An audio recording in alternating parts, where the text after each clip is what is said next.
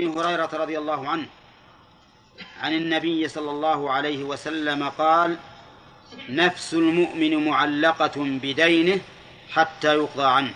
رواه أحمد والترمذي وحسنه. قول نفس المؤمن يعني روحه. معلقة بدينه ما هو الدين؟ الدين كل ما ثبت في الذمة. من قرض وثمن مبيع وأجرة وصداق وعوض خلع وغير ذلك. كل ما ثبت في الذمة فهو دين.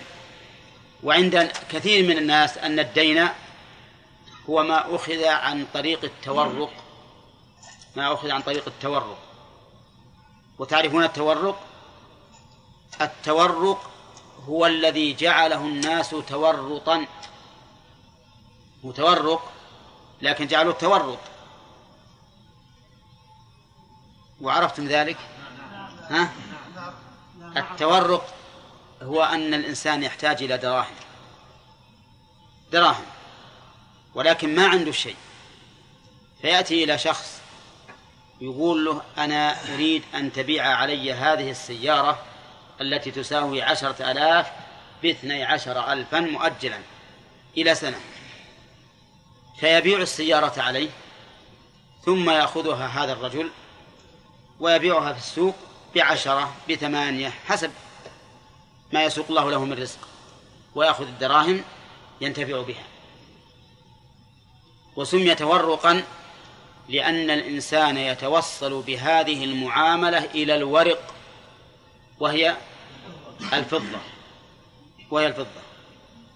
هذه المعاملة اختلف فيها العلماء فمنهم من أجازها إذا دعت الحاجة إليها وهو المشهور من المذهب ومنهم من منعها مطلقا وهو اختيار شيخ الإسلام ابن تيمية ورواية عن الإمام أحمد رحمه الله وهو المروي عن عمر بن عبد العزيز رحمه الله. قال قال صاحب إعلام الموقعين وهو ابن القيم قال كان شيخنا رحمه الله كان يكرر عليه القول ويطلب منه القول بإباحة التورق ولكنه يأبى. لأنه يقول هذه حيلة لكن ليت الناس بقوا على هذا الأمر. ولكنه صاروا إلى التورط في التورط. ماذا يصنعون الآن؟ يجي لم ويقول أنا أبي عشرة آلاف. دينا يقول له ما يخالف. العشر خمسة عشر. يقول لا نزل. العشر أربعة عشر. نزل. ثلاثة عشر. نزل. اثنى عشر. نزل. احدى عشر. بيع ومشترى على غير شيء. على دراهم بدراهم. وبعد ما يتفقون يروح وياه صاحب المحل ويشتري سلعة. يشتري سلعة. وإذا كانت أكياسا قدرنا أنها عشرة أكياس من الرز. كيف يعمل يبغى يقبضها؟ ها؟ يمر يده عليها. هكذا يقول هذا قبض. ثم يقول بعتها عليك باثني عشر ألفا إلى سنة. فإذا قال هكذا قال طيب. أنا وش أسوي بها الآن؟ أطلع من المكان؟ لا. إن طلعتها من المكان كلفتني حمولة وتنزيل. وإذا بعتها في السوق نزلت أكثر. أبيعها على من؟ على صاحب الدكان. أقول له الآن اشتراها من منك صاحبي بعشرة آلاف ريال. وأنزل لك أنا تسعة آلاف وخمسمائة.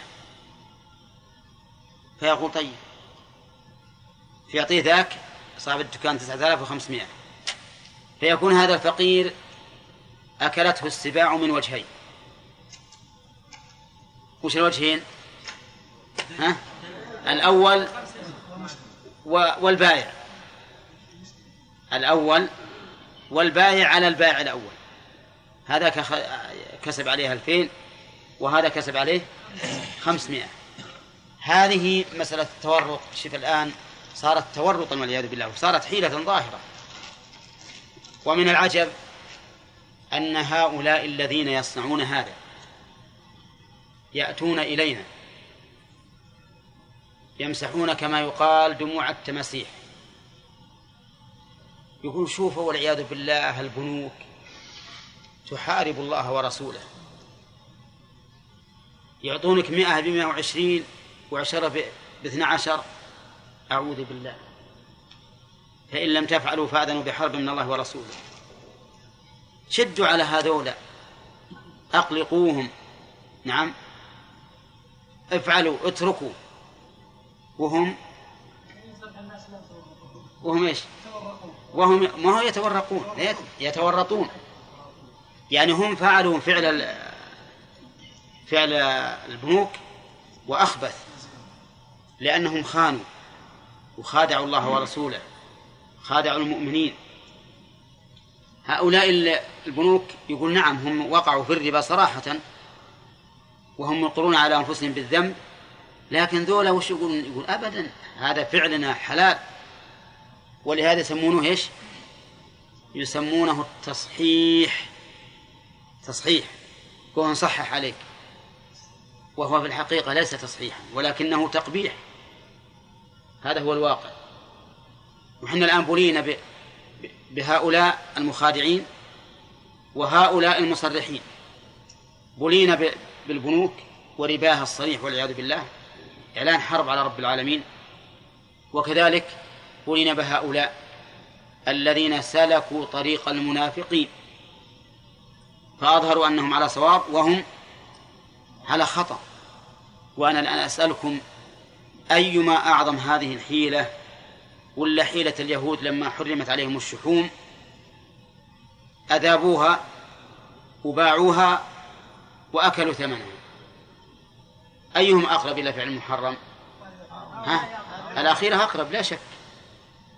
لأن أولئك ما أكلوا الشحوم ولا باعوا الشحوم.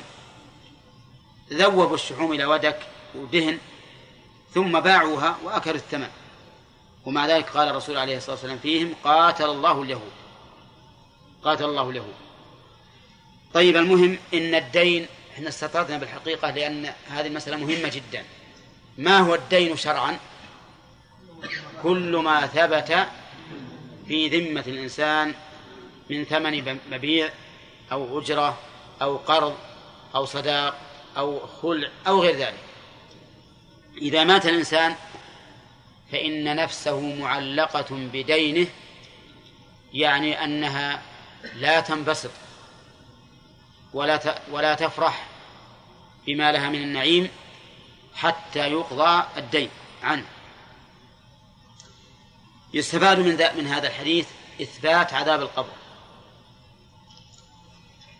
لأنه لا شك أن تعليق النفس ومنعها عن عن السرور والانبساط والانشراح بنعيم بنعيم القبر نوع من العذاب.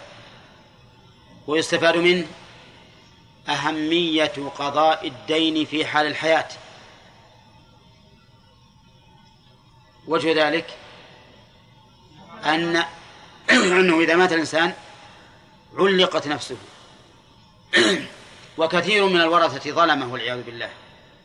تجده يرث الأموال الكثيرة من هذا الميت ويتباطأ في قضاء دينه. ويقول مثلا أنا وردت منه أراضي أبنتظر حتى تزيد الأراضي. وبعدين نبيع ونقضي الدين. وهذا محرم ولهذا قال العلماء يجب على الورثة الإسراع في قضاء الدين وجوبا. والله عز وجل جعل حق الورثة لا يرد إلا بعد إيش؟ إلا بعد قضاء الدين. قال من بعد وصية يوصى بها أو دين. فهم ليس لهم حق في أن يتصرفوا في هذا في قصدي في أن يأخذوا شيء من الميراث إلا بعد قضاء الدين. ويستفاد من هذا الحديث أيضا يستفاد من هذا الحديث عظم الدين. وأنه مهم جدا ويدل لذلك أن الرسول صلى الله عليه وسلم كان لا يصلي على من عليه دين لا وفاء له. ويدل لذلك أيضا أن النبي صلى الله عليه وسلم أخبر أن الشهادة في سبيل الله تكفر كل شيء إلا إلا الدين. وهذا يدل على أهميته. وقوله دين يشمل دين الله ودين الآدم وش دين الله؟ مثل إيش؟ مثل لو كان على الإنسان كفارة عتق رقبة فهذا دين. أو إطعام ستين مسكينا مثلا فهذا دين. والدليل على ذلك قول الله سبحانه وتعالى دين الله أحق بالقضاء أو بالوفاء. فأثبت أن الله تعالى دينا. فإن قلت هل يشمل ذلك الزكاة؟ ها؟ أو لا؟ نقول إن كان الميت قد ترك إخراج الزكاة لا يريد إخراجها. لا يريد إخراجها أبدا. فإن هذا لا يجزئ أن نخرج عنه. ولا يلزمنا أن نخرج عنه. لأن الرجل قد عزم على أن لا يخرجها. وأما إذا كان الرجل عنده تكاسل في الإخراج فقط لكن يقول اليوم أخرج غدا أخرج وما أشبه ذلك فإن هذا يخرج عنه. وقد ذكر ذلك ابن القيم في كتاب تهذيب السنن على أن الإنسان الذي يترك الزكاة من ما نوى إخراجها وهو مقر بوجوبها لكن يقول ما لم يخرجها. عصيانا فإنه في هذه الحال لا تخرج عنه بعد موته. وأما إذا تركها تهاونا يقول اليوم أو غدا أو ما أشبه ذلك ولكنه أتاه الأجل فإنها تخرج عنه. إذا لم يعلم فالأصل أنه تركها تهاونا. طيب إذا قلت كيف يصح هذا الحديث وقد توفي النبي صلى الله عليه وسلم وعليه دين وعليه دين. فهل الرسول عليه الصلاة والسلام معلقة نفسه بدينه حتى يقضى عنه؟ أم ماذا؟ نعم. الجواب أن يقال إن إن النبي صلى الله عليه وسلم قد رهن درعه. قد رهن درعه عند هذا اليهود. فقد أمن الدين. ولهذا إذا أمن الدين صلى عليه النبي عليه الصلاة والسلام كما فعل حين صلي نعم ها هنا تحمل أبو قتادة الدين الذي على رجل من الأنصار. هذا هو الجواب. وبعض العلماء أعل هذا الحديث بالحديث الذي أشرت إليه. ابن عباس رضي الله عنهما أن النبي صلى الله عليه وسلم قال في الذي سقط عن راحلته فمات. وكان ذلك في حجة الوداع وهو واقف بعرفة. فجيء فجيء إلى النبي صلى الله عليه وسلم ليستفتى في شأنه فأفتاهم فقال اغسلوه بماء وسدر يغسلوه الضمير يعود على هذا الميت الذي سقط من ناقته فمات. بماء وسدر مخلوطين جميعا. بأن يدق السدر ثم يوضع في الماء ويضرب باليد ويؤخذ تؤخذ الرغوة ويغسل بها الرأس.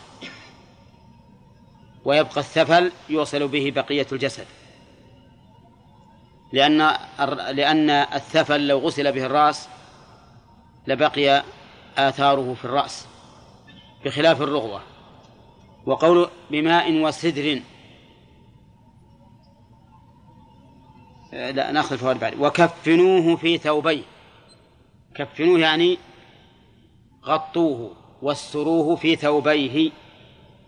والضمير في قوله ثوبيه يعود إلى هذا الميت. وهما الإزار والرداء اللذان أحرم بهما. والقصة كما قلت لكم أن هذا الرجل كان واقفا بعرفة فأوقصته ناقته فسقط منها فمات. فجاءوا يستفتون النبي صلى الله عليه وسلم في شانه فأفتاهم بذلك. فيؤخذ من هذا الحديث فوائد عديدة. منها جواز الاستفتاء أو جواز استفتاء العالم في وقت الوقوف بعرفة. لأن هؤلاء استفتوا النبي صلى الله عليه وسلم وهو واقف بعرفة بعرفة. فلا يقال إن هذا اليوم يوم دعاء فلا ينبغي أن يستفتى عن الشيء. ومنها أن العلم أفضل من الذكر والدعاء المجرد. لأن النبي صلى الله عليه وسلم تشاغل عن دعائه بماذا؟ بإجابتهم وإفتائهم.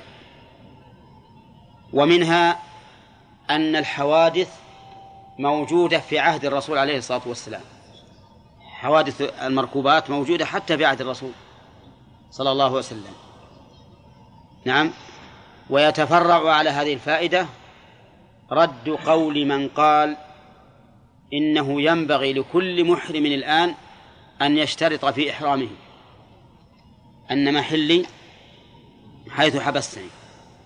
لأن العلماء اختلفوا في الاشتراط في الإحرام. هل يشترط الإنسان عند إحرامه أن محله حيث حيث حبس أو ينوي ويطلق و ولا يشترط. على ثلاثة أقوال. القول الأول أنه يسن الاشتراط مطلقا وهذا هو المشهور من مذهب الإمام أحمد. والقول الثاني أنه لا يسن مطلقا وبهذا قال ابن عمر وجماعة من أهل العلم. والقول الثالث أنه يسن الاشتراط لمن كان به مانع أو لمن كان يظن أن يحدث له مانع يمنعه من إكمال النسك.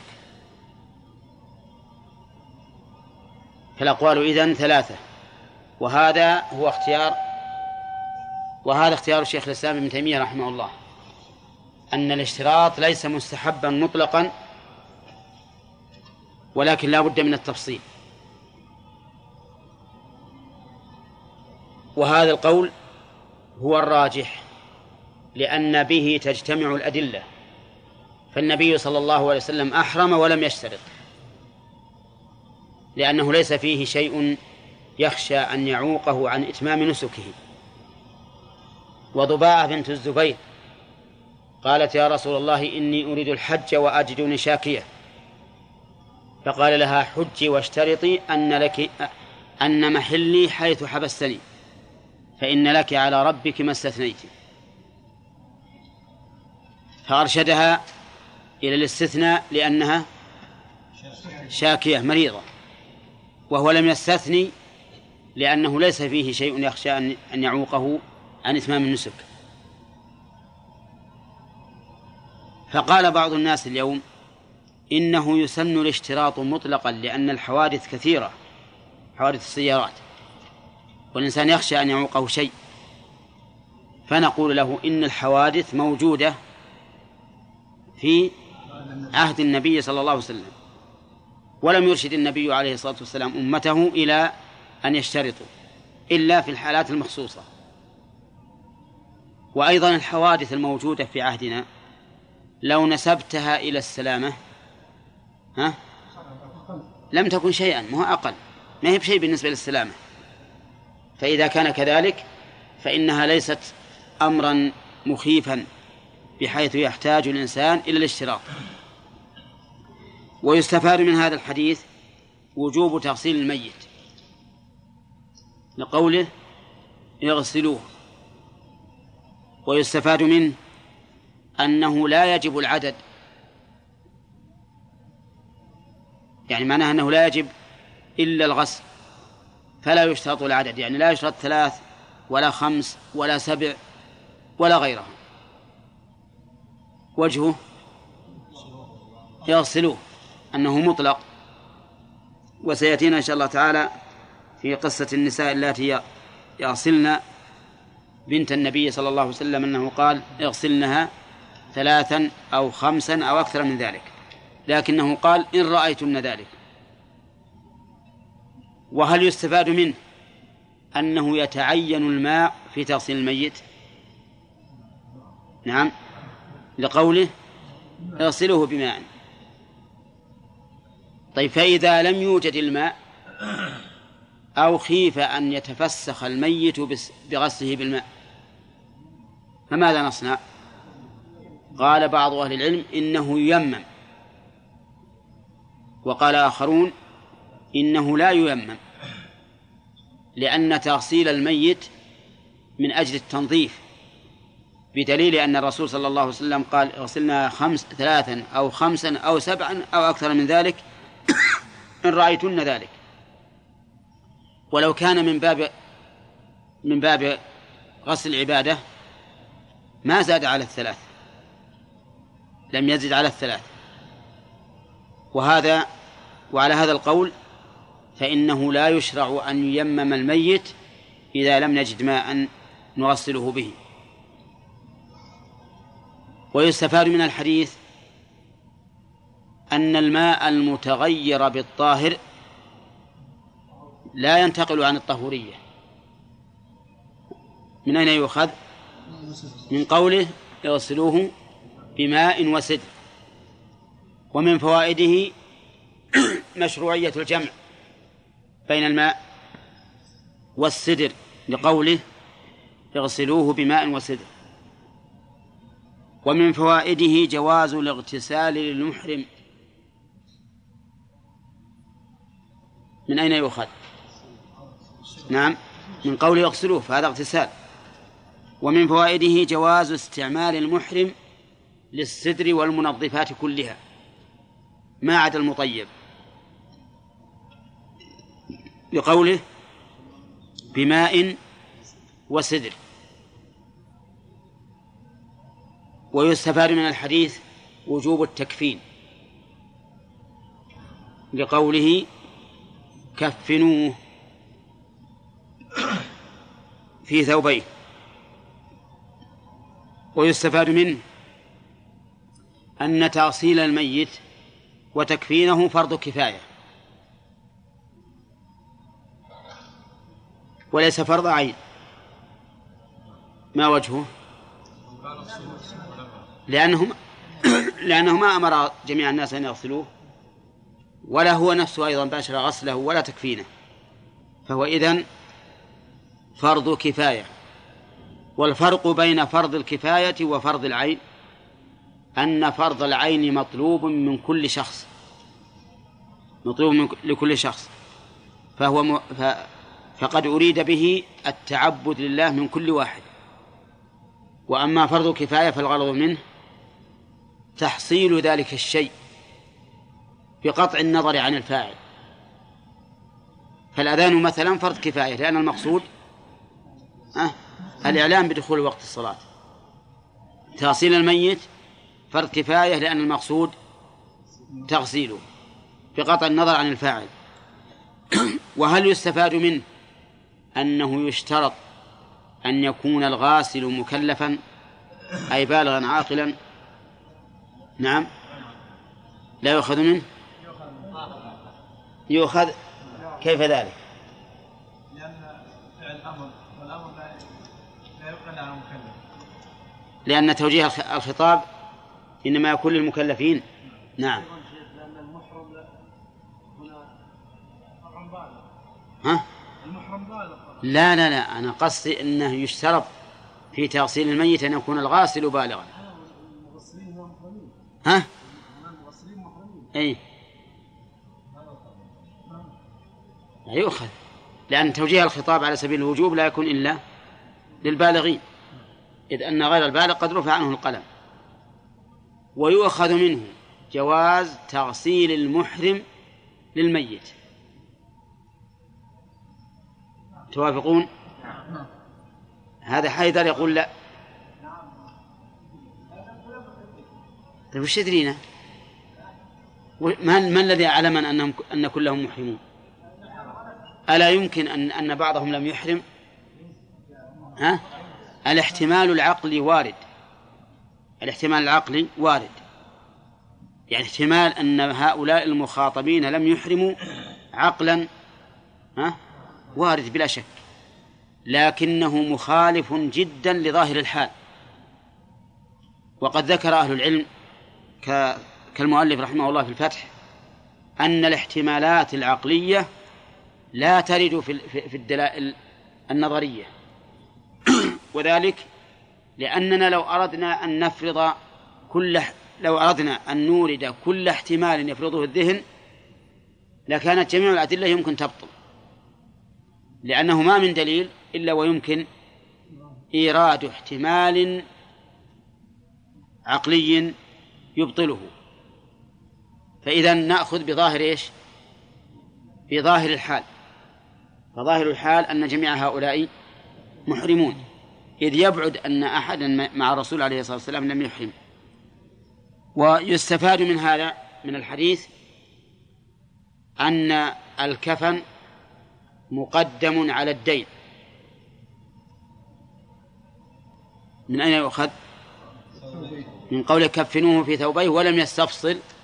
هل هل عليه دين أم لا؟ فيؤخذ منه فائدة فرعية أن لباس الإنسان الحي المفلس مقدم إيش؟ على دينه. ما نقول بع ثوبك بع سروالك بع مشلحك اقضي به الدين. ويستفاد منه أنه أن المشروع في المحرم أن يكفن في ثوبي إحرامه. ها؟ لقوله في ثوبيه أي ثوبي الإحرام. ويستفاد منه أيضا أنه إذا كان للميت تركة فلا ينبغي أن يجهز إلا منها. لقوله في ثوبيه ولما في ذلك من المنة. لو أن أحد قال أنا بتبرع وبيقوم باللازم من التجهيز وهو لا وله تركة فنقول لا. ما دام له تركة فإن الأولى أن يجهز من تركته. لهذا الحديث ولما في ذلك من المنة. ويستفاد منه وجوب الرجوع إلى العالم ولا لا؟ ذكرناه؟ طيب. نعم. وهي؟ جواز الوقوف على في عرب اي شو فيها؟ ها؟ في جواز الوقوف على الراحلة؟ نعم. فيه جواز الوقوف على الراحلة في عرفة. وأيهما أفضل؟ أن يقف راكبا أو أن يقف ماشيا يعني غير راكب. اختلف أهل العلم في ذلك. فمنهم من قال إن الأفضل أن يقف راكبا. وعلى هذا فالأفضل لنا إذا أردنا الدعاء أن نركب على السيارات. وندعو. أحسن من كون ندعو على الأرض. ولكن ينبغي في هذه المسألة أن يقال إنه ينظر إلى ما هو أصلح للقلب. فإذا كان الأصلح للإنسان أن يدعو الله عز وجل وهو في الأرض بعيدا عن الناس فليفعل. وإذا كان الأصلح أن يدعو على راحلته فليفعل. لكن الغالب أيهما أصلح؟ الغالب أن أن الأرض أصلح لأنه يبتعد عن الناس وعن ضوضائهم وربما يكون أدعى إلى الإخلاص لله عز وجل فليتبع الإنسان ما يراه أفضل وأصلح لقلبه. نعم؟ الظاهر جالسا أو على حسب الحال. قد يكون أحيانا يرى أنه إذا قام يكون أخشع لقلبه وأبلى وألح في الدعاء. نعم. ها؟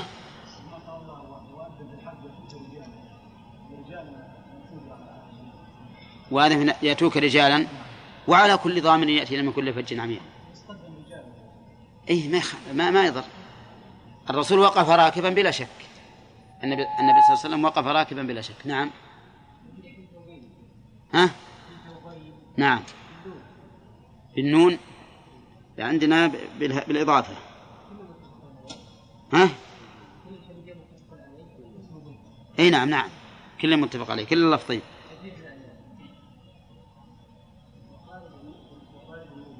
ها؟ إي يقول كلهن واردات حتى في مسلم ثوبيه. نعم. كيف؟ فيه في في فائدة مهمة جدا. ومن فوائد الحديث أنه إذا مات المحرم لا يكمل نسكه. أنه إذا مات المحرم لا يكمل نسكه ولو كان فريضة. وجهه أن النبي صلى الله عليه وسلم لم يكم لم يأمرهم بإتمام نسكه. خلافا لما قاله فقهاؤنا رحمهم الله أنه إذا مات في أثناء النسك وحجه واجب فإنه يقضى عنه ما بقي. وهذا ليس بصواب. والصواب أنه لا يقضى عنه. ومن فوائد الحديث إذا أردنا أن نكمل من فوائد الحديث أن الميت إذا مات محرما فإنه يبعث يوم القيامة ملبيا. نعم لقوله فإنه يبعث يوم القيامة ملبيا. وذلك والله أعلم لأن الحج نوع من الجهاد في سبيل الله. ومن مات في سبيل الله فإنه يخرج يوم القيامة إذا جرح في سبيل الله وجرحه يثعب دما اللون لون الدم والريح ريح المسك. ومن فوائد الحديث أيضا مشروعية تحنيط الميت. ها؟ إلا لأنه قال ولا تحنطون. فدل هذا على أن من عادتهم التحنيط وإلا لم يكن للنهي عنه فائدة. ومن فوائده وجوب اجتناب الطيب للمحرم. لقوله ولا تحنطوه وتعليل ذلك وتعليل ذلك بأنه يبعث يوم القيامة ملبيا. ومن فوائده أيضا أنه لا يجوز للمحرم أن يغطي رأسه. لقوله ولا تخمروا رأسه. وهذا أعم من قوله صلى الله صلى الله عليه وسلم حين سئل ماذا ما يلبس المحرم فقال لا لا يلبس السراويل ولا البرانس ولا العمائم. لأن تغطية الرأس أعم من خصوص إيش؟ اللبس. ومن فوائد الحديث جواز استظلال المحرم بالشمسية ونحوها. ها؟ لأن النهي عن التغطية لا عن التضليل. ولكن ولكن هذه المسألة فيها خلاف بين العلماء. فالمشهور من مذهب الإمام أحمد أنه لا يجوز للمحرم أن يستظل بالشمسية ولا بالهودج ولا بالمحمل ولا بالسيارة أيضا. ولهذا من أراد أن يقلد المشهور من مذهب الإمام أحمد فإنه لا يحل له أن يركب في السيارة المغطاة. لا بد أن يكون في السيارة مكشوفة. نعم. ولكن العمل على خلاف هذا القول. والعلماء يقولون إن الساتر للرأس ثلاثة أقسام. ساتر لا بأس به بالإجماع بل بالنص والإجماع. مثل الخيمة والاستظلال بالثوب على الشجرة وما أشبه ذلك لأنه لا يتبع المرء منفصل عن المرء ولا يتبعه. والثاني ساتر للرأس ملاصق له فهذا حرام لا يجوز. بالاتفاق. والثالث ظل منفصل عن الرأس لكنه تابع للإنسان. يمشي بمشي الإنسان أو يمشي الإنسان بمشيه. فهذا محل خلاف بين العلماء والصواب جوازه طيب من فوائد الحديث أيضا إثبات البعث. لقوله فإنه يبعث يوم القيامة ملبيا. نعم.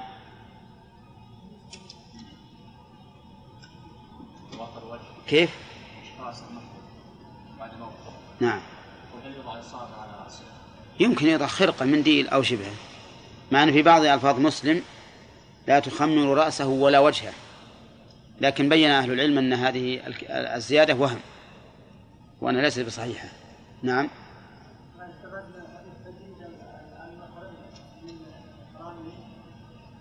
تجريده تجريده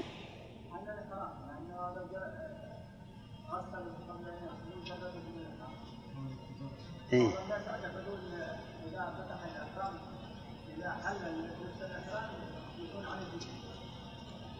إيه وش تقولون في هذه؟ ما ذكرنا أنه جواز اغتسال المحرم ها؟ جواز اغتسال المحرم لكن قد يقول حيدر لا يلزم من جواز الاغتسال خلع الملابس. قد يغتسل والملابس عليه. نعم. فإذا قال ذلك لنا حيدر قلنا أيضا يمكن يغسلوه بماء وستر والثياب عليه. لكن هذا بعيد لا شك. نعم.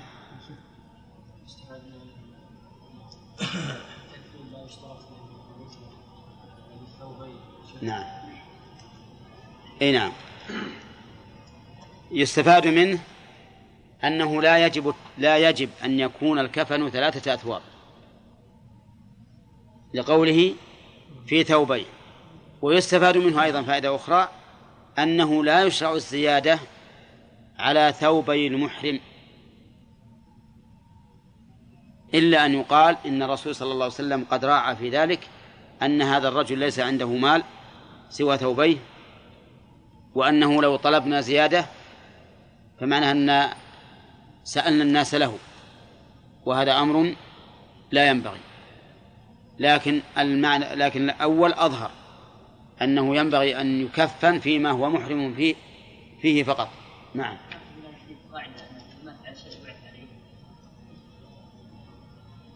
ما تقولون في هذا؟ هل يؤخذ من هذا الحديث قاعدة أن من مات على شيء بعث عليه؟ ها؟ يقول العلماء إنه لا يمكن أن نستدل بالأخص على الأعم. ويمكن أن نستدل بالأعم على الأخص. لأن استدلالنا بالأعم على الأخص استدلال بالعموم على بعض أفراده. لكن استدلالنا بالأخص على العام معناها أننا زدنا على النص. نعم.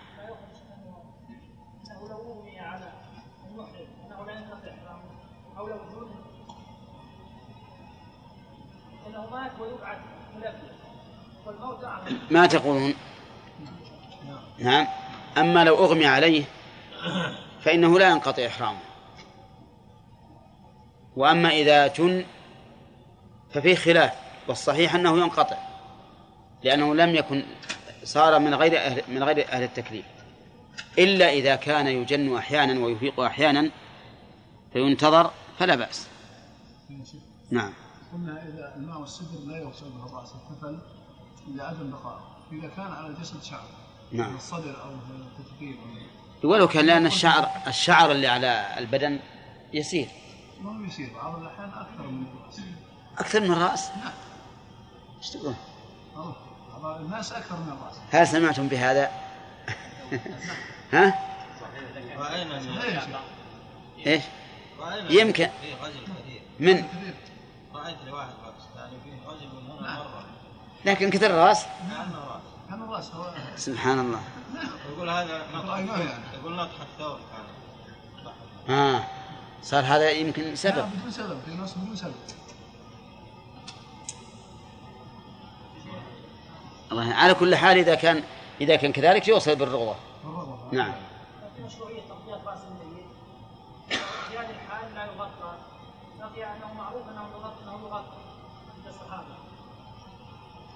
إيه لأن الكفن لابد أن يكون ساترا لجميع البدن. نعم.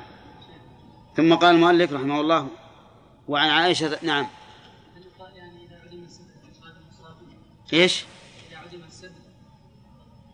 المصابون لا. لا ما يقابله لأن, لأن السدر فيه برودة على البدن وأما الصابون هو بالعكس. ولهذا قال العلماء ما يستعمل الصابون إلا عند الحاجة. كما لو كان فيه وسخ ما يذهب إلا به فلا بأس. أو كما لو كان فيه بويه الميت اللي مات فيه بويه. نستعمل معه إيش؟ أي البنزين. ولا حرج لإزالة ما عليه. نعم.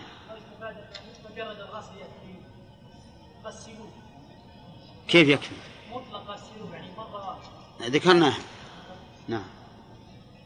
قال وعن وعن عائشة رضي الله عنها أنها قالت قالت لما أرادوا غسل رسول الله صلى الله عليه وسلم قالوا والله ما ندري نجرد رسول الله صلى الله عليه وسلم كما نجرد موتانا أم لا؟ الحديث رواه أحمد وأبو داود. قولها رضي الله عنه قالوا رضي الله عنها قالوا والله ما ندري. القائلون من؟ الصحابة الذين باشروا غسل النبي صلى الله عليه وسلم. ومنهم عباس بن عبد المطلب وعلي بن أبي طالب رضي الله عنه. قالوا لا ند ما والله ما ندري. أي ما نعلم. وأقسموا هنا بدون استقسام لدعاء الحاجة إليه. أو قد يقال إن هذا من باب لغو اليمين وأنهم ما أرادوا القسم. نجرد رسول الله صلى الله عليه وسلم يعني من ثيابه. كما نجرد موتانا أم لا؟ وبقية الحديث أن الله تعالى ألقى عليهم النوم. فسمعوا هاتفا يقول اغسلوا رسول الله صلى الله عليه وسلم في قميصه. فكانوا يصبون الماء على القميص ويدلكونه من ورائه. فيستفاد من هذا الحديث أن المشروع عند تغسيل الميت إيش؟ أن يجرد. لكنه سبق لنا بل قد قلناه في مجلس آخر أنه يجب أن تغطى عورته. تغطى بثوب حتى لا تشاهد لأنه لا حاجة إلى مشاهدتها. وسبق لنا أن الغاسل إذا أراد أن يغسله وعورته مستورة يجعل في يده خرقة لأجل أن ينظف فرجيه. ثم يزيل هذه الخرقة إذا نظفهما و يأتي بخرقة ثانية. شوله؟ لا من هنا الجسم. لأسنانه ومنخريه. لأنه يبل, يبل الخرقة ويمسح أسنانه ولثته ومنخريه بدون أن يصب الماء. قال بعض العلماء ويأتي بخرقة ثالثة لبقية الجسم. قال والمستحب أن لا يمس سائره إلا بخرقة ولكن هذا خلاف ظاهر النصوص. الأخير خلاف ظاهر النصوص فإن الظاهر أن الذين يغسلون الأموات يباشرون الأموات بأيديهم. يستفاد من هذا الحديث أن خصوصية للرسول عليه الصلاة والسلام وهي ها؟ أنه لم يجرد حين مات. ويستفاد منه أن المشروع تجريد الميت عند تغسيله. ويستفاد منه جواز الحلف بدون استحلاف. إن قلنا إن هذا قد قصد وإلا فهو من لغو اليمين. وعن أم عطية رضي الله عنها قالت دخل علينا النبي صلى الله عليه وسلم ونحن نغسل ابنته فقال اغسلنها ثلاثا أو خمسا أو أكثر من ذلك إن رأيتن ذلك بماء وسدر واجعلن في الأخيرة كافورا أو شيئا من كافور. قالت فلما فرغنا آذناه. فألقى إلينا حقوة فقال أشعرنها إياه متفق عليه. وفي رواية ابدأنا بميامنها ومواضع الوضوء منها. وفي لفظ للبخاري فضفرنا شعرها ثلاثة قرون فألقيناها خلفها. نعم. ها؟ هل كل هاتف رحماني الصحابة رضي الله عنهم. نعم سمعوا هذا الهاتف فعملوا به هل هو معصوم؟ لا الظاهر أنه إذا دلت القرائن لأن الله ألقى عليهم النوم وهذا قرينة تدل على أنه من الله. قال عائشه النبي صلى الله عليه وسلم ما سمع ما سمع الميت يوصل, يوصل مباشرة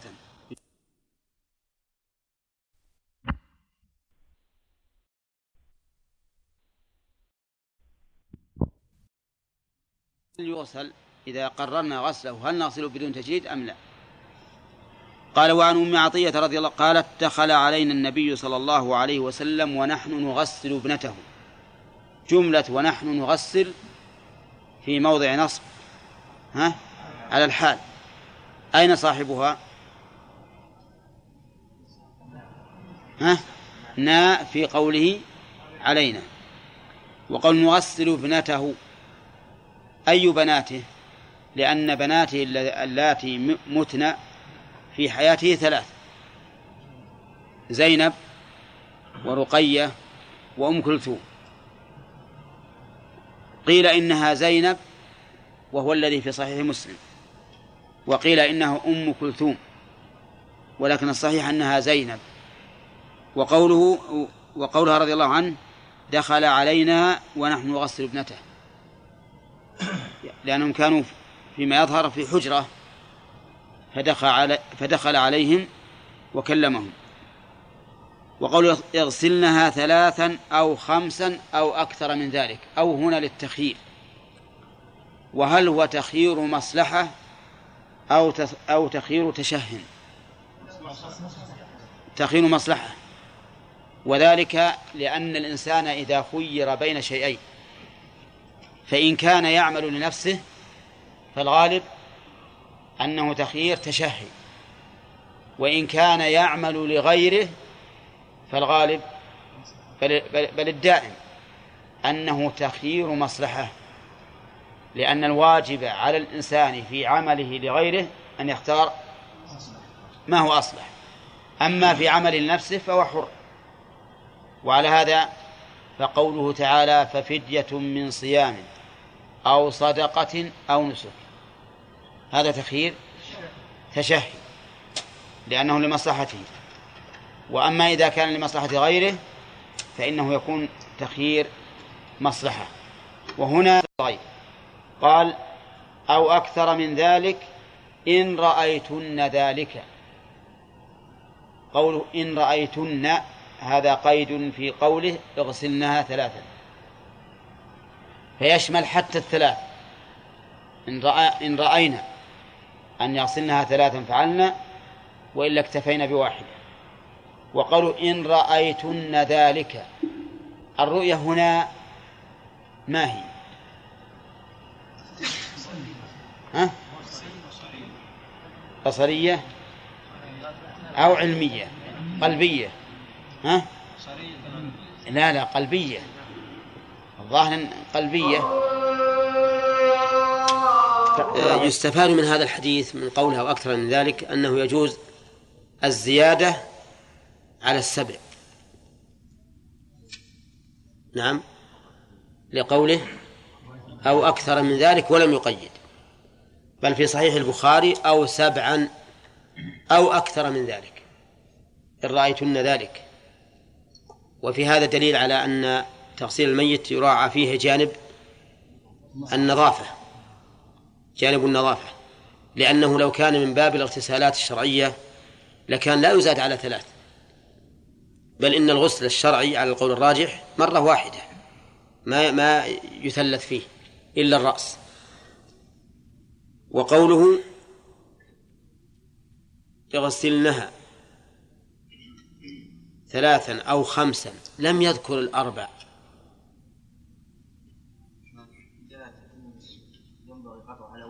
نعم. لأنه ينبغي أن يقطع على وتر حتى لو أنقت بأربع تزيد خامسة. ويستفاد منها من الحديث جواز العمل برأي المرأة فيما يتعلق بشؤون النساء. ها؟ لقوله إن رأيتن ذلك. نعم. وفيه أيضا مشروعية وضع السدر في تغسيل الميت لقوله بماء وسدر. وقد ذكرنا أن أهل العلم يقولون إنه يدق السدر ويوضع في الماء وي- ويخبط باليد فإذا صار له رغوة أخذت الرغوة فغسل بها الرأس. وبقية الثفل يغسل به الجسم سائر الجسد. وحنا الآن في فوائده ولا في شرحه. لا شرح ما إلى هذا؟ طيب. يستفاد من قوله بماء وسدر أن الماء إذا خالطه شيء طاهر فإنه لا يسلبه الطهورية. لقوله أي هذه نعم. الآن طيب. اخذنا على الرؤيا البصرية والرؤيا إيه. طيب. ذكر ان أن التي كنا زينب المسير ولم يتعرض صح. ورجحنا في الدرس السابق آه، أنها كانت مستوجبه لا من هذه. هذا قال اللي رجحنا في الدرس السابق أنها في اللي وقف على قبرها.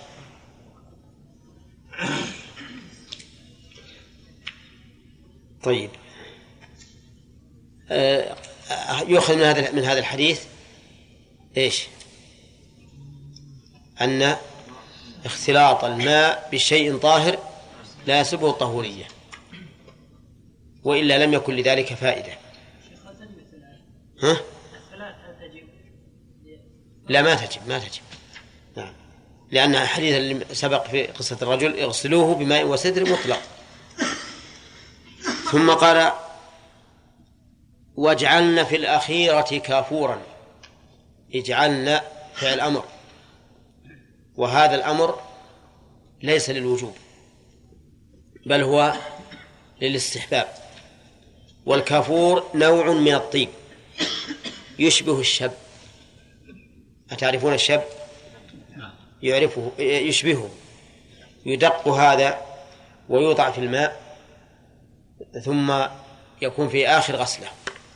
وإنما كان في آخر غسلة لأن فيه فائدة وهي تبريد الجسم وتصليبه والثالثة طرد الهوام عنه. ولهذا قال اجعلنا في الأخيرة كافورا أو شيئا من كافور.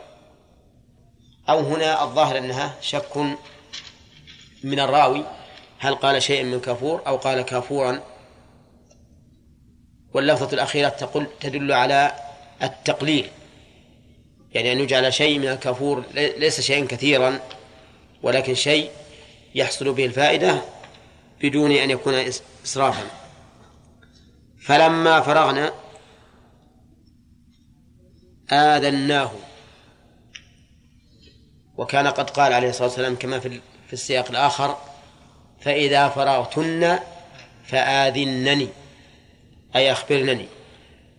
قال فلما فرغنا آذناه أي أعلمناه بذلك فألقى إلينا حقوة فقال أشعرنها إياه متفق عليه. الحقو الإزار.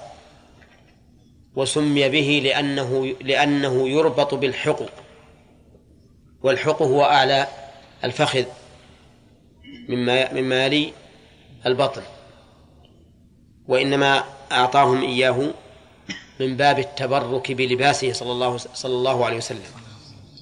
وقال أشعرنها إياه أي اجعلنه شعارا لها أي مما يلي جسدها فالشعار من الثياب هو الذي يلي الجسد والدثار ما فوقه.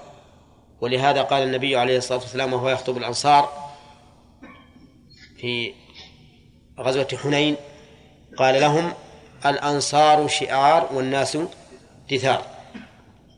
أشعرنا أيام متفق عليه. وفي رواية ابدأن بميامنها ومواضع الوضوء منها. ابدأن يعني في التغسيل. بالميامن يعني بالأيمن فالأيمن فاليد اليمنى قبل اليسرى والرجل اليمنى قبل اليسرى والشق الأيمن من البدن قبل الأيسر ومواضع الوضوء منها وهي أربعة اليدان الوجه واليدان والرأس والرجلان. هذه مواضع الوضوء. ولهذا قال أهل العلم في صفة تغسيل الميت إن أول ما يوضع على سرير غسله أنه يرفع رأسه قليلا ويعصر بطنه برفق لأجل أن يخرج ما كان متهيئا للخروج من الأذى والقدر. ثم بعد ذلك يجعل الغاسل على يده خرقة فيغسل فرجه وينجيه. ثم إذا نظفه مرة ألقى تلك الخرقة وأخذ خرقة أخرى وبلها بالماء لأجل أن ينظف أسنانه ومنخريه بدون بدون تنشيق لأنه متعذر أن يستنشق وبدون مضمضة. وعللوا ذلك بأنه لو صب الماء في فمه الماء في فمه فإنه ينزل إلى أسفل. وإذا نزل إلى أسفل ربما يحرك ما في البطن. فيخرج ويتلوث مرة أخرى. ثم يغسل وجهه ثم يده اليمنى ثم يده اليسرى ثم رأسه ثم رجليه ثم بقية ثم بقية البدن. يغسله. يغسله غسلا ثم يمسح ثم يغسل بقية البدن. وفي أذنيه ينظفهما بخرقة. فإذا لم ينقى الميت وعلامة عدم النقاء أن الماء يزل عنه. يكون كأن فيه دهنا. فمعناه أنه لم ينق بعد.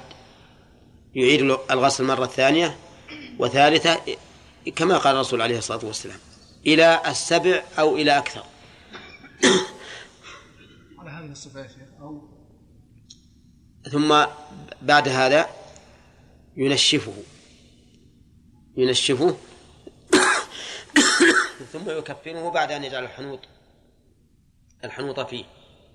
وعلمتم أنه يوضع السدر في الماء من أول غسلة وأنه يوضع في آخر غسلة الكفور وفي لفظ للبخاري فظفرنا شعرها ثلاثة قرون فألقيناها خلفها ظفرنا شعرها أي جعلناه ضفائر ضفائر يعني عند العامة يسمونه جدايل ثلاثة قرون.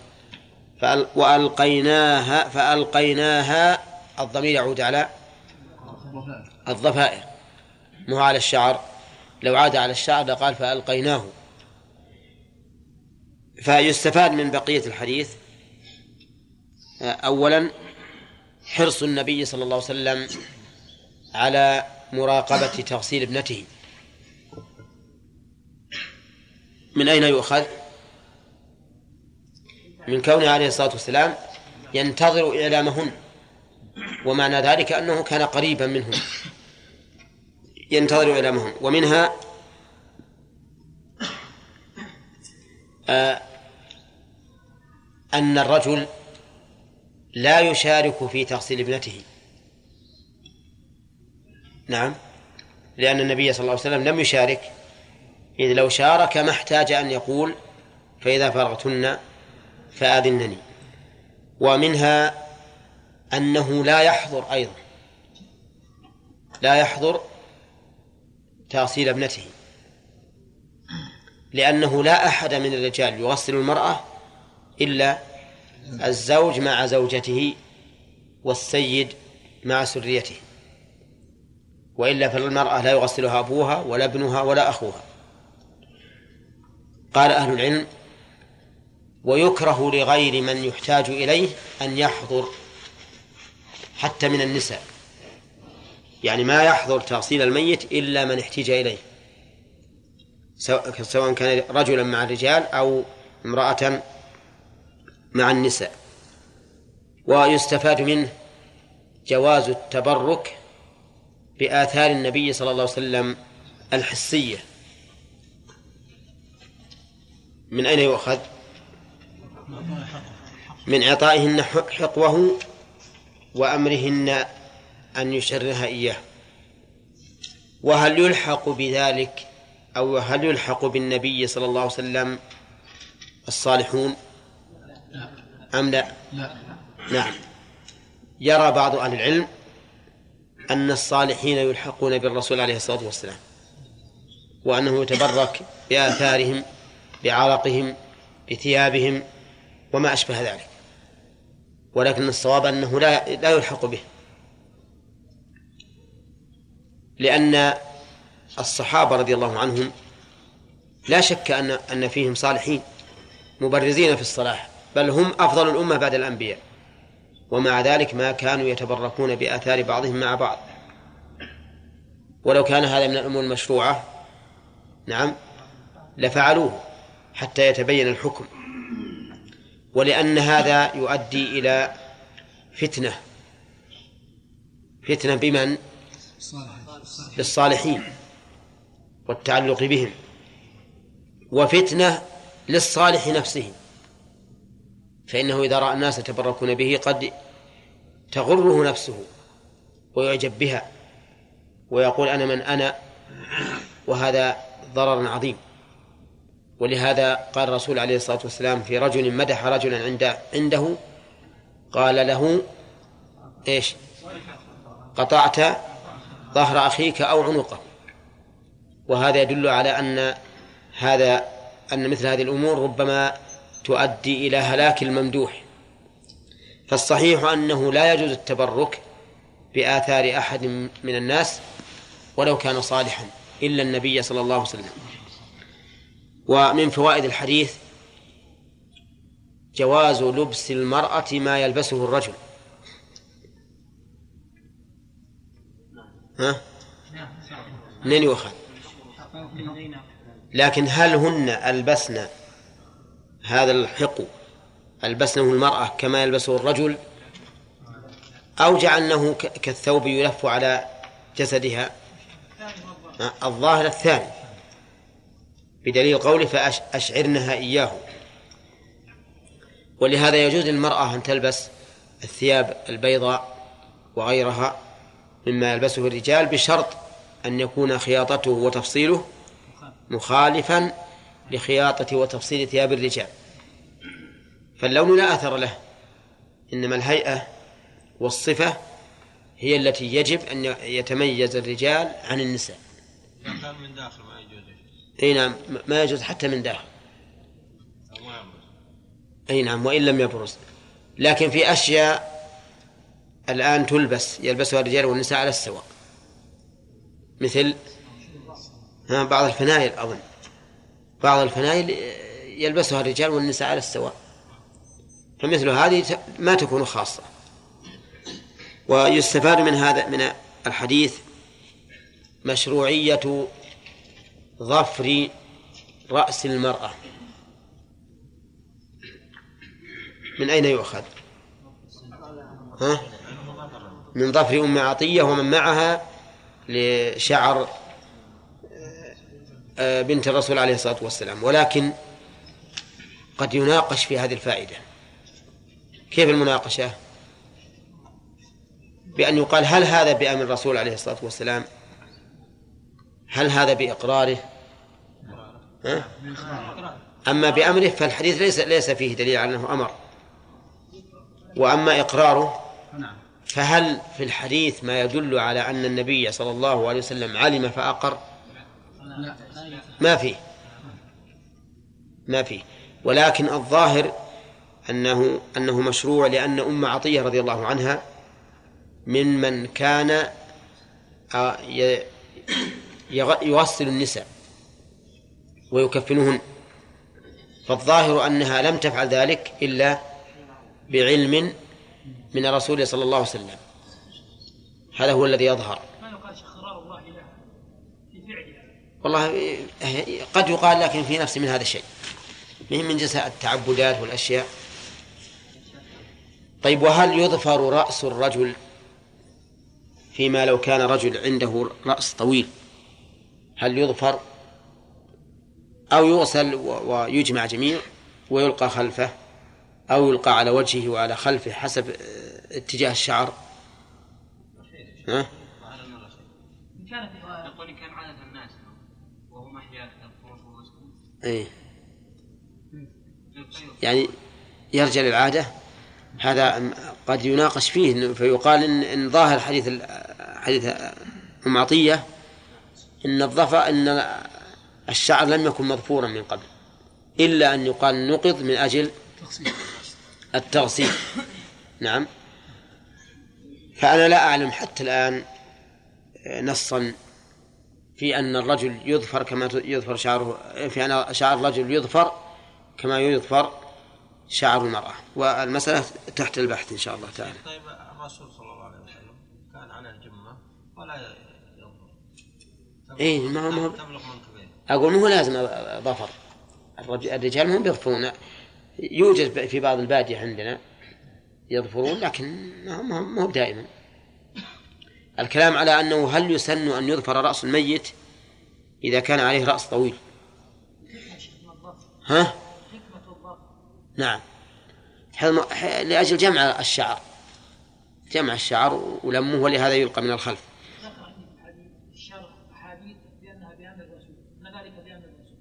الحمد لله. إذا كان بأمر الرسول زال الإشكال. نعم. طيب وفي ويستفاد من الحديث أنه يبدأ في تغسيل الميت باليمين. لقوله ابدأنا بميامنها ويستفاد منه أنه يبدأ بمواضع الوضوء لقوله ومواضع الوضوء منها. فهل يقاس على ذلك غسل الرجل من الجنابة أو غسل الرجل من الجنابة؟ نقول فيه نص. هذا فيه نص عن الرسول عليه الصلاة والسلام أنه كان يتوضأ قبل أن يغتسل وضوءه للجنابة ثم يحثي على رأسه ثم يغتسل يغسل سائر, سائر جسده.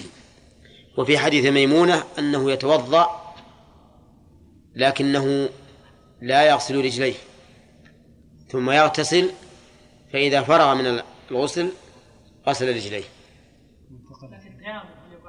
نعم. إي نعم. إي نعم. ورد به نص أيضا. ورد به نص. ويغسل رجليه في مكانه؟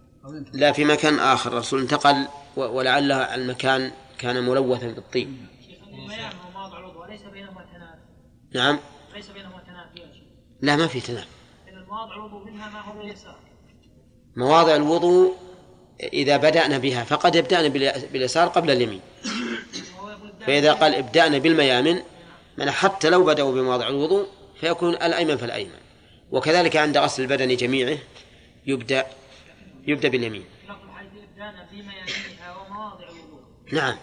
ومن مواضع الوضوء ما هو باليسار؟ فإذا بدأنا باليمين ثم اليسار. آه. لا لا ما يضر لأن ما لأن هذا نص على على مواضع الوضوء. فيبدأ بمواضع الوضوء أولا بادئا باليمين منها ثم بغسل بقية الجسد. نعم. بالنسبة للتقوى هذا الظاهر. يقول ويستفاد من هذا الحديث.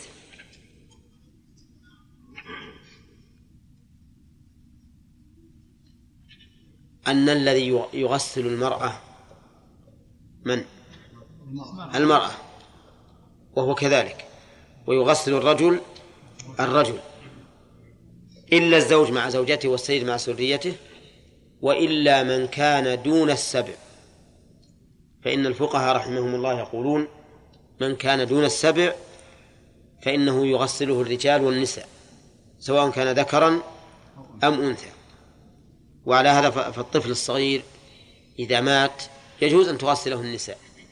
والطفلة الصغيرة إذا ماتت يجوز أن يغسلها الرجال. طيب فإذا لم يوجد رجل فيما لو كان الواجب أن يباشر التغسيل رجال مثل مات رجل بين بين نساء فماذا نصنع؟ يقول الفقهاء إنه ييمم ييمم فيضرب الإنسان يديه على الأرض ويمسح بهما وجه الميت وكفيه وقال بعض العلماء بل يغسله النساء بدون مباشرة بأن يصب عليه الماء صبا بدون أن تباشره النساء.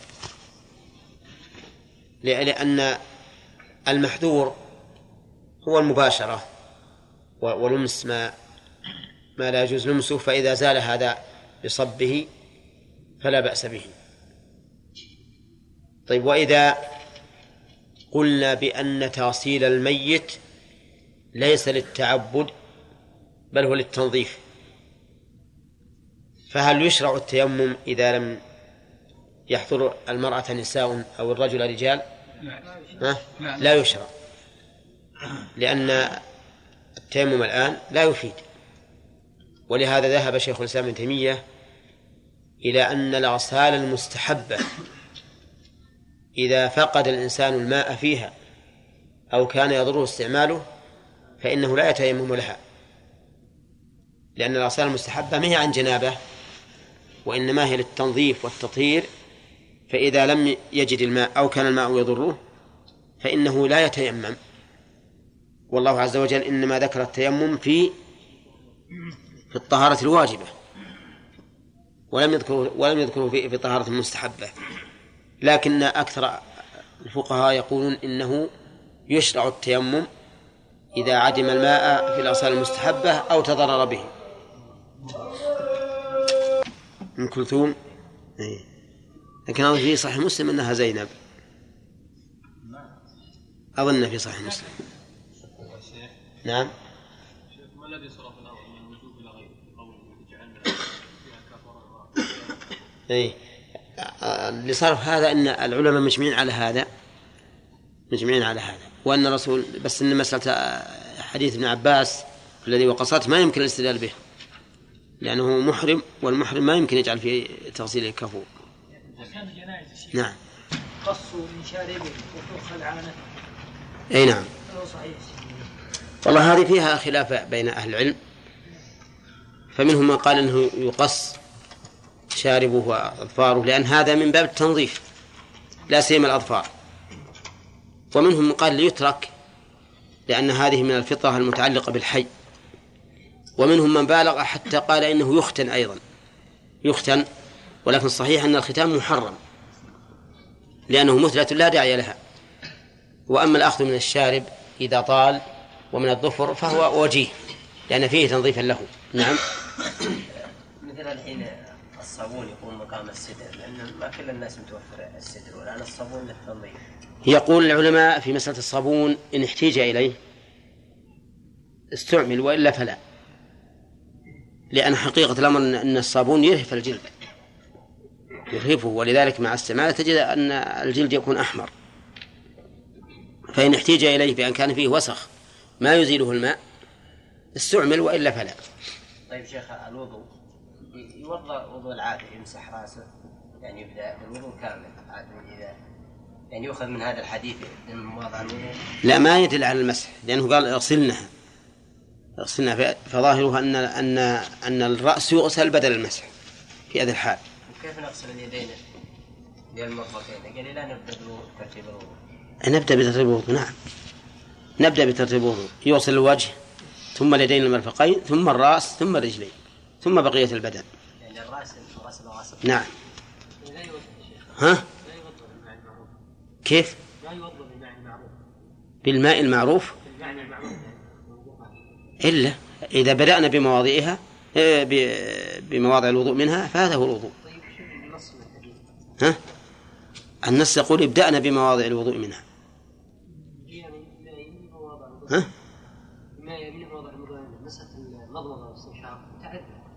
متعذر ما قلنا إنه ما يمضمض ولا يستنشق ولكنه يؤخذ خرقة تبل بالماء ويمسح بها أسنانه وينظف فيها أنفه بدلا عن ال- المضمضة والاستنشاق. نعم. تغسل مع الرأس. نعم. هذا عند الكفن. القطن اللي فيه الطيب عند الكفن.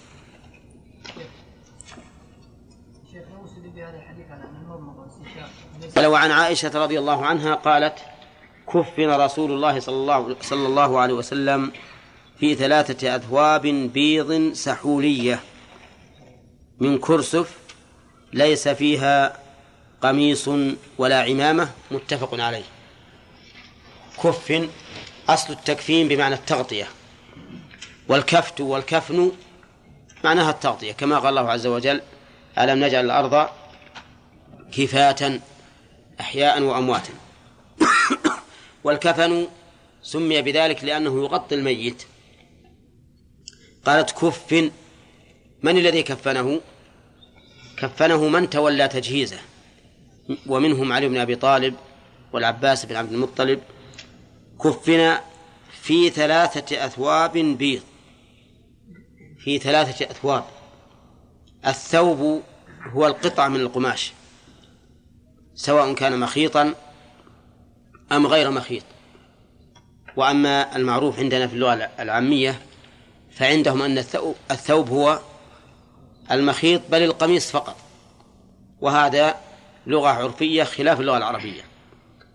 في ثلاثة أثوا- أثواب بيض سحولية نسبة إلى بلدة في اليمن تسمى سحول وقولها من كرسف أي من قطن.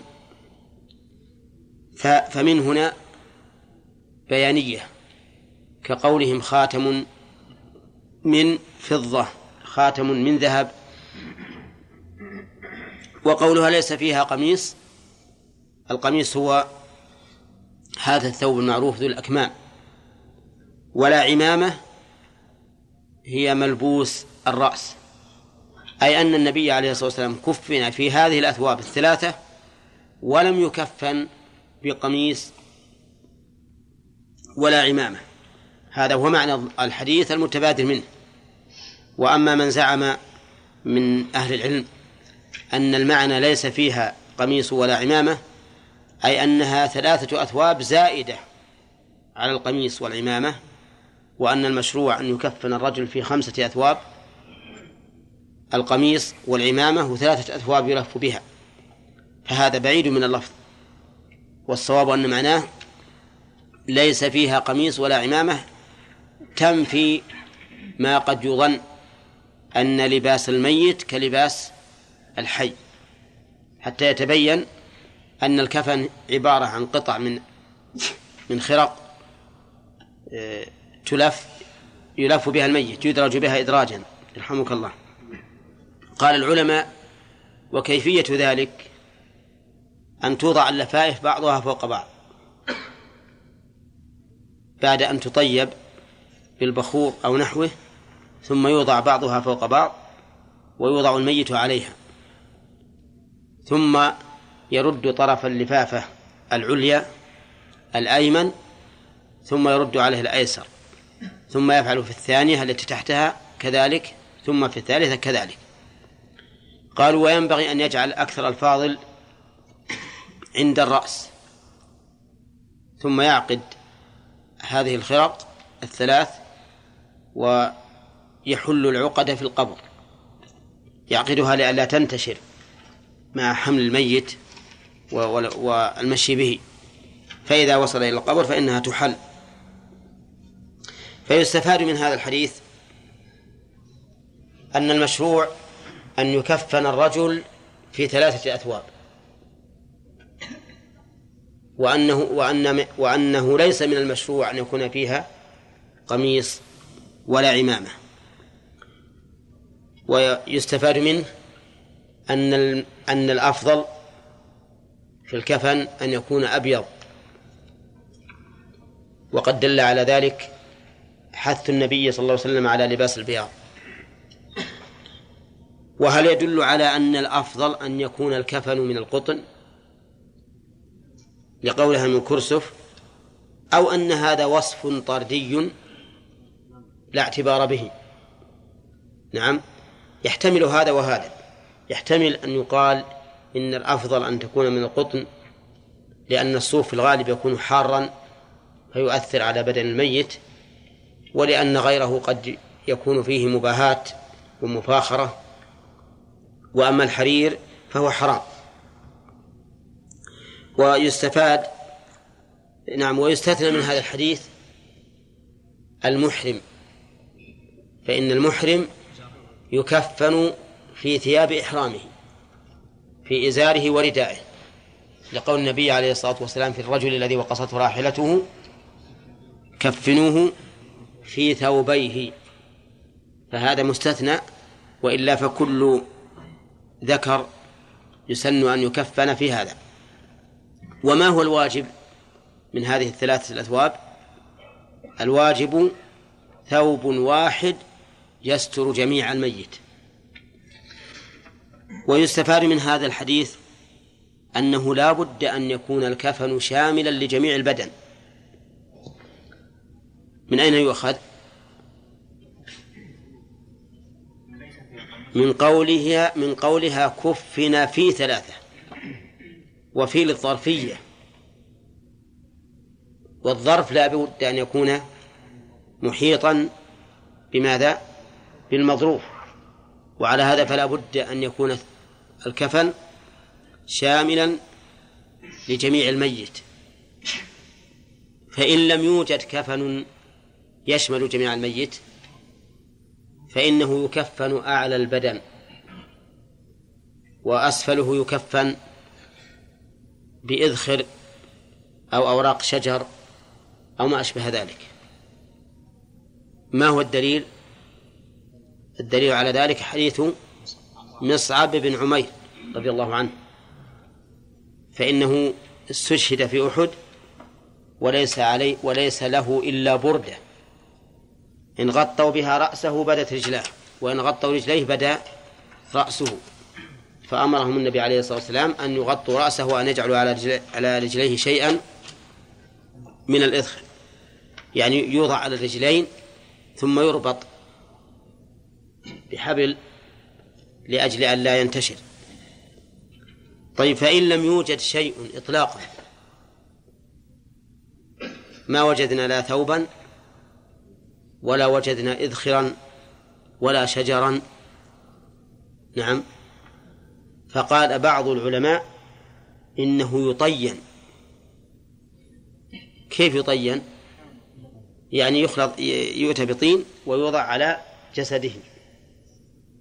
ولكن هذا فيما يظهر ليس بواجب لأن هذا من باب التكلف والتعمق ثم إن فيه تلويثا للميت والمشروع أن يطهر وأن يغسل. وإن كان الإنسان خلق من الطين لكن هذا يعتبر تلويثا له. فالصحيح أنه إذا لم يوجد شيء فإنه يدفن على ما هو عليه. وسوف يبعث يوم القيامة عاريا وإن كفن. فإن قلت كيف يتصور أن لا يوجد شيء؟ نعم. الجواب يتصور. بأن يعرض للرجل قطاع طريق. ويسلبونه ثيابه ومتاعه ولا يلقون عليه شيئا. وهذا واقع في زمن سبق. في زمن سبق يعرض قطاع الطريق والعياذ بالله للناس ويأخذون أموالهم ويسلبون ثيابهم حتى إنهم ذكروا لنا قصة أن جماعة من ال... الذين يذهبون للحشيش يأتون بالحشيش العلف. اعترض لهم قطاع طريق فسلبوا ما معهم حتى الثياب. وجاءوا عراة إلى البلد. نعم لكنهم لما قاربوا البلد جلسوا وأرسلوا واحدا منهم في الليل وأتى لهم بثياب من أهلهم. فمثل هؤلاء إذا مات منهم ميت وليس حولهم شجر ولا ولا ما يغطون به الميت فإنه يدفن نعم يدفن عاريا. نعم. نعم. إي نعم نزعوه. نزعوه إي نعم. بل كانوا كانوا بالأول كفنوه في في قطيفة حمراء. ولكنهم نزعوها أيضا وكفنوه في ذلك.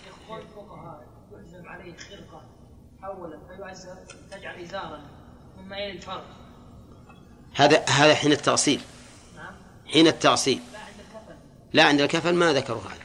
تكفين بدون إزار.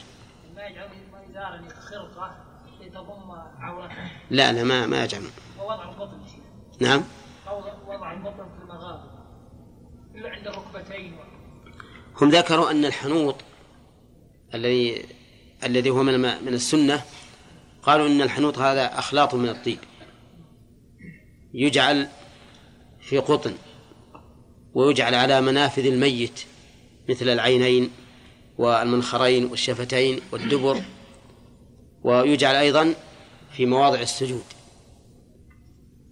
لكن لا أعلم في هذا سنة عن عن الصحابة رضي الله عنهم والظاهر أن أن الحنوط هذا الأخلاط من الطيب يوضع إما في الكفن وإما في نفس البدن. نعم. قولها كفنا في ثلاثة أثواب. هذا ما يفيد أن الأثواب هذه خارج عنها القميص وال والعمامة. فيكون ذكر قولها ليس فيه قميص ولا عمامة. نعم. يكون فيه وجه لل- للقول الثاني الذي ذكرته. لا. لا هي أرادت أن أن تنفي ما كان يتخذ في الدنيا. نعم. لو كفن في كفن ملون غير نعم. فلا بأس به بس إذا لم يكن حراما بأن يكون من حرير أو نحوه. وإذا كان من القسم المباح فلا بأس. بس الأفضل البياض. لو خرج شيء من السبيلين بعد تكفينه إذا حصل بعد تكفينه يقول العلماء إنه لا يعاد الغسل. غسله لا يعاد. إنما يربط المكان ويحط عليه حفاظه ويكفي. تعذر وجود الماء ها؟ نعم. أي نعم. صحيح. وهذا أيضا من مما يستثنى. فيستثنى اذا الم- المجاهد في سبيل الله إذا قتل فإنه يدفن في ثيابه. وكذلك المحرم. نعم. مصعب بن عمير اي ما معه إلا بردة. من في ذلك الوقت يتخذون البردة هذه محل الإزار والرداء إذا صار الإنسان عنده ثوب واحد جعله على أسفله وعلى أعلاه. نعم. هنا في علامات فإن بعض الأموات سبحان الله العظيم إذا إذا مات استنار وجهه أكثر مما كان حيا. كما ذكر لي بعض الناس في أموات يقول إننا رأينا وجوههم أحسن استنارة من من مما هم حين حينما هم أحياء. وربما يكون الأمر بالعكس والعياذ بالله. إنه يظلم وجهه. وإذا رأيته تقول هل هذا الرجل الذي كان كنت أعرفه؟ ولهذا قال أهل العلم إنه يجب على الغاسل أن يستر ما رآه إذا لم يكن حسنا. أما إذا كان طيبا فهذا لا بأس به لأنه ثناء على الميت. نعم. بعضهم الرسول كفن عبد الله بن ابي في قميص يبي يجينا الحين. وفعله مقدم على هذا. أقول يا سيأتينا قبل قليل. نعم. يقول العلماء أنه سنة. نعم. لا ما يعاد. قال وعن ابن عمر رضي الله عنهما قال لما توفي عبد الله ابن أبي جاء ابنه إلى رسول الله صلى الله عليه وسلم فقال أعطني قميصك أكفنه فيه فأعطاه إياه متفق عليه. قول لما توفي بالبناء المجهول. ولا يصح بالبناء لل- للفاعل. يعني ما يقال توفى فلان وإنما يقال توفي. كما قال الله تعالى قل يتوفاكم ملك الموت. وقال حتى إذا جاء أحدكم الموت ها توفته رسلنا فهو متوفى وليس متوف. ولكن لو أن أحدا قال إنه متوف بمعنى أنه متوف أجله وحياته كالذي استوفى حقه من مدينة لكان له وجه. لكن هذا يتوقف على وروده في اللغة العربية. قال لما توفي عبد الله ابن أبي للفائدة هو يقال عبد الله ابن أبي ابن سلول. وسلول ها؟ أمه. سلول أمه. فكيف ننطق بأبي؟ وكيف ننطق بابن سلول. نعم. هل نقول عبد الله ابن أبي بن ابن سلول ولا عبد الله ابن أبي ابن سلول؟ ها؟ الأخير. الأخير. فنقول عبد الله ابن أبي بالتنوين. ابن سلول بالرفع. بخلاف ما لو قلنا عبد الله ابن محمد ابن علي. إذا كان علي هو الجد نقول عبد الله ابن محمد ابن علي ولا ننون محمد ونكسر ابن. أما عبد الله ابن أبي فإننا ننون ابن ننون أبي ونجعل ابن الثانية تابعة للاسم الأول. وهناك فرق ثالث وهو أننا نضع ألف إبن في